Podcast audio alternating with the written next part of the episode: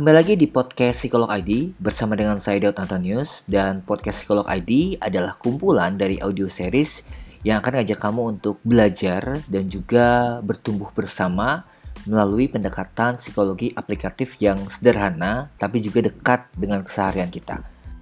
Nah, pada podcast di episode kali ini kita akan membahas mengenai tips untuk mengendalikan kemarahan.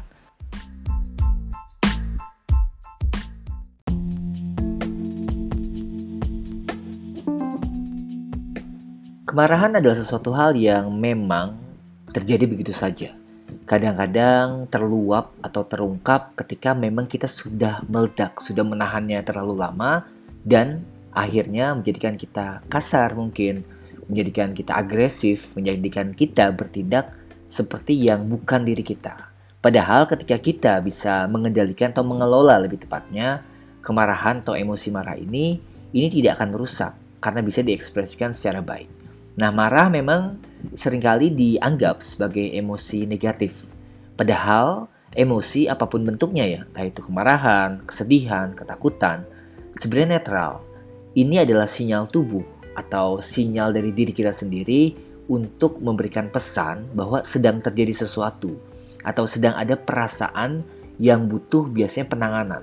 Banyak dari kemarahan yang sebenarnya adalah ungkapan dari bentuk perlawanan dari ketidakadilan atau ungkapan kelelahan, ungkapan hal yang gak sesuai dengan apa yang kita mau. Jadi maknanya sebenarnya banyak, sama seperti emosi-emosi lainnya. Nah, yang menjadikan baik atau buruknya sebuah emosi adalah tentang bagaimana sebenarnya kita meluapkan atau mengekspresikan emosi itu. Apakah kita mengekspresikan marah dengan cara merusak atau malah dengan cara yang membangun atau cara di mana kita menyadari emosi kita dan kemudian mengungkapnya tanpa menunggunya untuk meledak.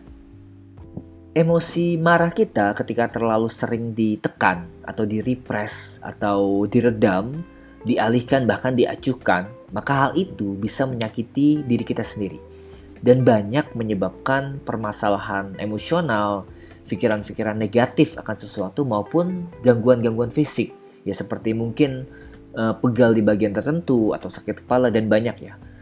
Tapi jadi serba salah karena ketika kita meluapkan amarah kita yang nggak pada tempatnya, itu bisa menyakiti orang lain, khususnya orang terdekat kita karena perkataan, perlakuan, sikap kita yang tanpa sadar jadi kasar atau ya sejenis itu ya. Lalu pertanyaannya apa yang harus dilakukan untuk mengelola atau bahkan mengendalikan emosi? Tips atau poin pertama dalam mengendalikan emosi adalah dengan memahami perasaan diri kita sendiri. Ini kedengarannya sepele banget ya. Tapi banyak dari kita yang belum mengenali apa yang sebenarnya kita rasakan. Coba deh ya, kita coba ke diri sendiri ya. Kita perhatikan perasaan kita setiap hari, kemudian ucapkan apa yang kita rasakan. Walaupun mungkin awalnya agak aneh, tapi ini akan membantu kita untuk memahami perasaan. Contohnya misalnya hari ini saya sepertinya sedang merasakan sedih ya atau saya sedang merasakan marah, saya sedang merasakan kecewa. Jadi disadari, kemudian diungkapkan, ungkapkan misalnya jadi divalidasi lebih tepatnya. Jadi apa pun yang kamu rasakan, alangkah lebih baik eh, jika kamu kenali hal tersebut sebelum akhirnya mengungkap.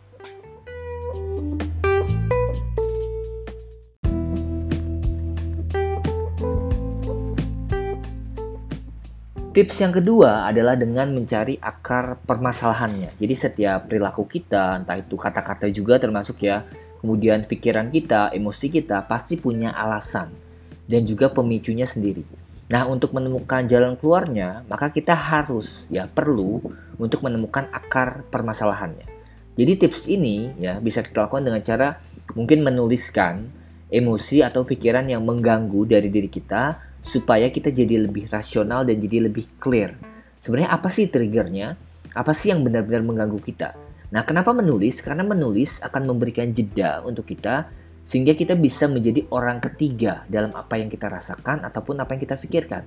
Karena kita tidak selalu apa yang kita rasakan. Bisa jadi itu hanya perasaan sesaat yang kalau kita biarkan akan berubah jadi mood ya, akan berubah jadi sesuatu hal yang mungkin berlangsung lama tapi kalau misalnya kita kenali mungkin cuma sekedar lewat saja perasaannya dan gak apa-apa. Dan yang perlu kita pahami juga bahwa setiap perasaan, entah itu marah, sedih, kecewa, takut. Sebenarnya akan ada masa di mana hal tersebut berlalu ya, karena bentuk dari emosi adalah sinyal tadi. Selanjutnya tips yang ketiga ya. Tadi kan ini menyambung ya. Yang pertama memahami perasaan, jadi mengakuinya. Kemudian yang kedua mencari trigger atau akarnya. Dan yang ketiga yang kita lakukan adalah mengevaluasi perasaan atau dalam hal ini adalah kemarahan kita. Jadi setelah dituliskan, coba untuk challenge pikiran kita. Ajukan beberapa pertanyaan yang bisa buat kita merenung, buat kita bertanya-tanya. Contohnya ya, apa sebenarnya yang saya inginkan dari kemarahan ini atau dari emosi ini? Atau gimana cara saya supaya keinginan saya ini tercapai? Ya pertanyaan lanjutannya. Dan apakah kemarahan ini memang diperlukan atau bisa dengan cara lain? Jadi evaluasi apa yang kita rasakan dan sebelum bertindak kita juga lebih kepada benar nggak sih tindakan saya? Walaupun ini akan butuh waktu akan butuh proses karena kadang-kadang kan marah terjadi begitu saja. Tapi yang kita lakukan adalah mengambil waktu setelahnya atau sebelumnya bisa. Jadi pada prinsipnya latihan. Dan apa pun yang kita latih nanti akan menjadi sebuah kemampuan otomatis yang kalau misalnya ada trigger untuk marah dia akan muncul dan juga kita akan lebih rasional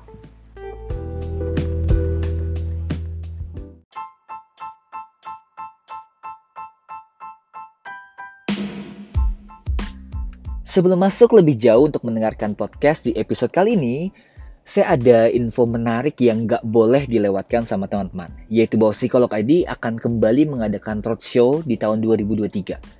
Kemarin tuh kita sudah ke Surabaya dan seru banget, dan ada dua kota selanjutnya yang mau kita datangi, yaitu Jakarta dan Semarang. Nah untuk Jakarta, yuk ikutan gabung di tanggal 18 Maret 2023 mulai jam 10 sampai dengan jam 2 siang Lokasinya di Tamarin Hotel Menteng. Jadi ini panggilan untuk teman-teman yang di Jabodetabek, boleh Jakarta, Bogor, Tangerang, Bekasi untuk kumpul bareng, diskusi bareng dan juga belajar bareng. Akan banyak sesi prakteknya termasuk di dalamnya forgiveness therapy, gestalt therapy, mindfulness dan beberapa teknik terapi lainnya yang kita pelajari bersama. Oke, itu infonya dan kita lanjut ke episode pada podcast kali ini.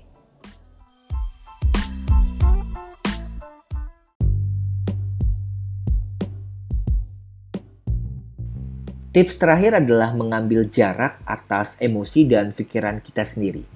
Jadi ini sebenarnya sudah disinggung ya sebelumnya bahwa kita bukanlah pikiran ataupun perasaan kita.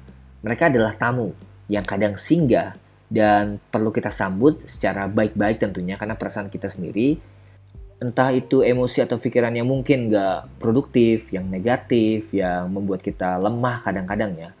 Ingat aja bahwa seperti yang saya bilang tadi, semuanya pasti akan berlalu. Tapi ketika kita bisa mengenalinya, maka hal tersebut ya emosi itu nggak akan tetap lama. Karena kita udah tahu nih responnya seperti apa, apa yang dirasakan, kita sudah kenal dan awarenessnya tadi pengenalan akan emosi itu bermanfaat untuk kita mengambil jarak atas apa yang kita rasakan sehingga kita tidak masuk ke dalam emosi tersebut. Jadi kalau misalnya teman-teman marah ya nggak apa-apa dan itu kan suatu sinyal, suatu trigger yang muncul. Kemudian Anda pahami aja bahwa ya saya sedang marah. Apa sih yang buat saya marah? Kemudian evaluasi, benar nggak sih atau layak nggak sih saya marah? Kalau memang bisa dilakukan dan patut dilakukan, silakan. Jadi yang dimaksud dengan mengelola atau mengendalikan amarah atau kemarahan bukan berarti Anda menahan supaya nggak keluar ataupun mengabaikannya, tapi lebih pada mengarahkan, memahami bahwa ada alasan di balik kemarahan saya, ada triggernya, ada makna di balik kemarahan saya dan gak apa-apa kalau toh mau diungkapkan tapi tidak dengan cara yang merusak diri ataupun merusak orang lain itu. Sampaikan aja bahwa saya marah sama kamu. Saya gak suka perlakuan kamu. Saya nggak suka diperlakukan tidak adil atau mungkin saya lagi capek saat ini makanya emosi saya nggak stabil. Dan banyak alasan lainnya yang bisa anda gunakan untuk mengekspresikan amarah dengan waktu dan juga cara yang tepat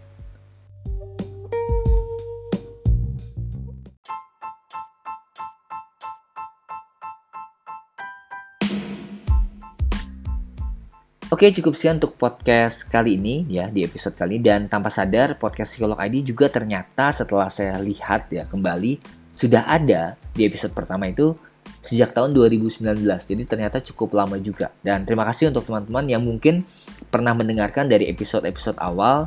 Dan kalau misalnya tertinggal, kita sudah banyak bahas tentang hal-hal yang menarik ya. Dari misalnya tentang kebohongan, dari mental health, cara belajar, kemudian psikosomatis, ada juga bahas tentang criminal minds, dan juga pokoknya banyak banget. Nah, teman-teman bisa scroll ke bawah di episode entah itu di Spotify, di Google Podcast, di Apple Podcast, dan kita juga ada audio live terapi, jangan lupa yang bisa didengarkan ketika memang Anda membutuhkan.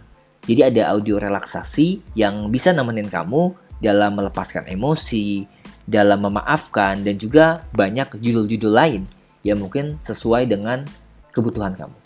Oke, cukup sekian untuk episode kali ini. Terima kasih sudah mendengarkan dan sampai ketemu lagi di episode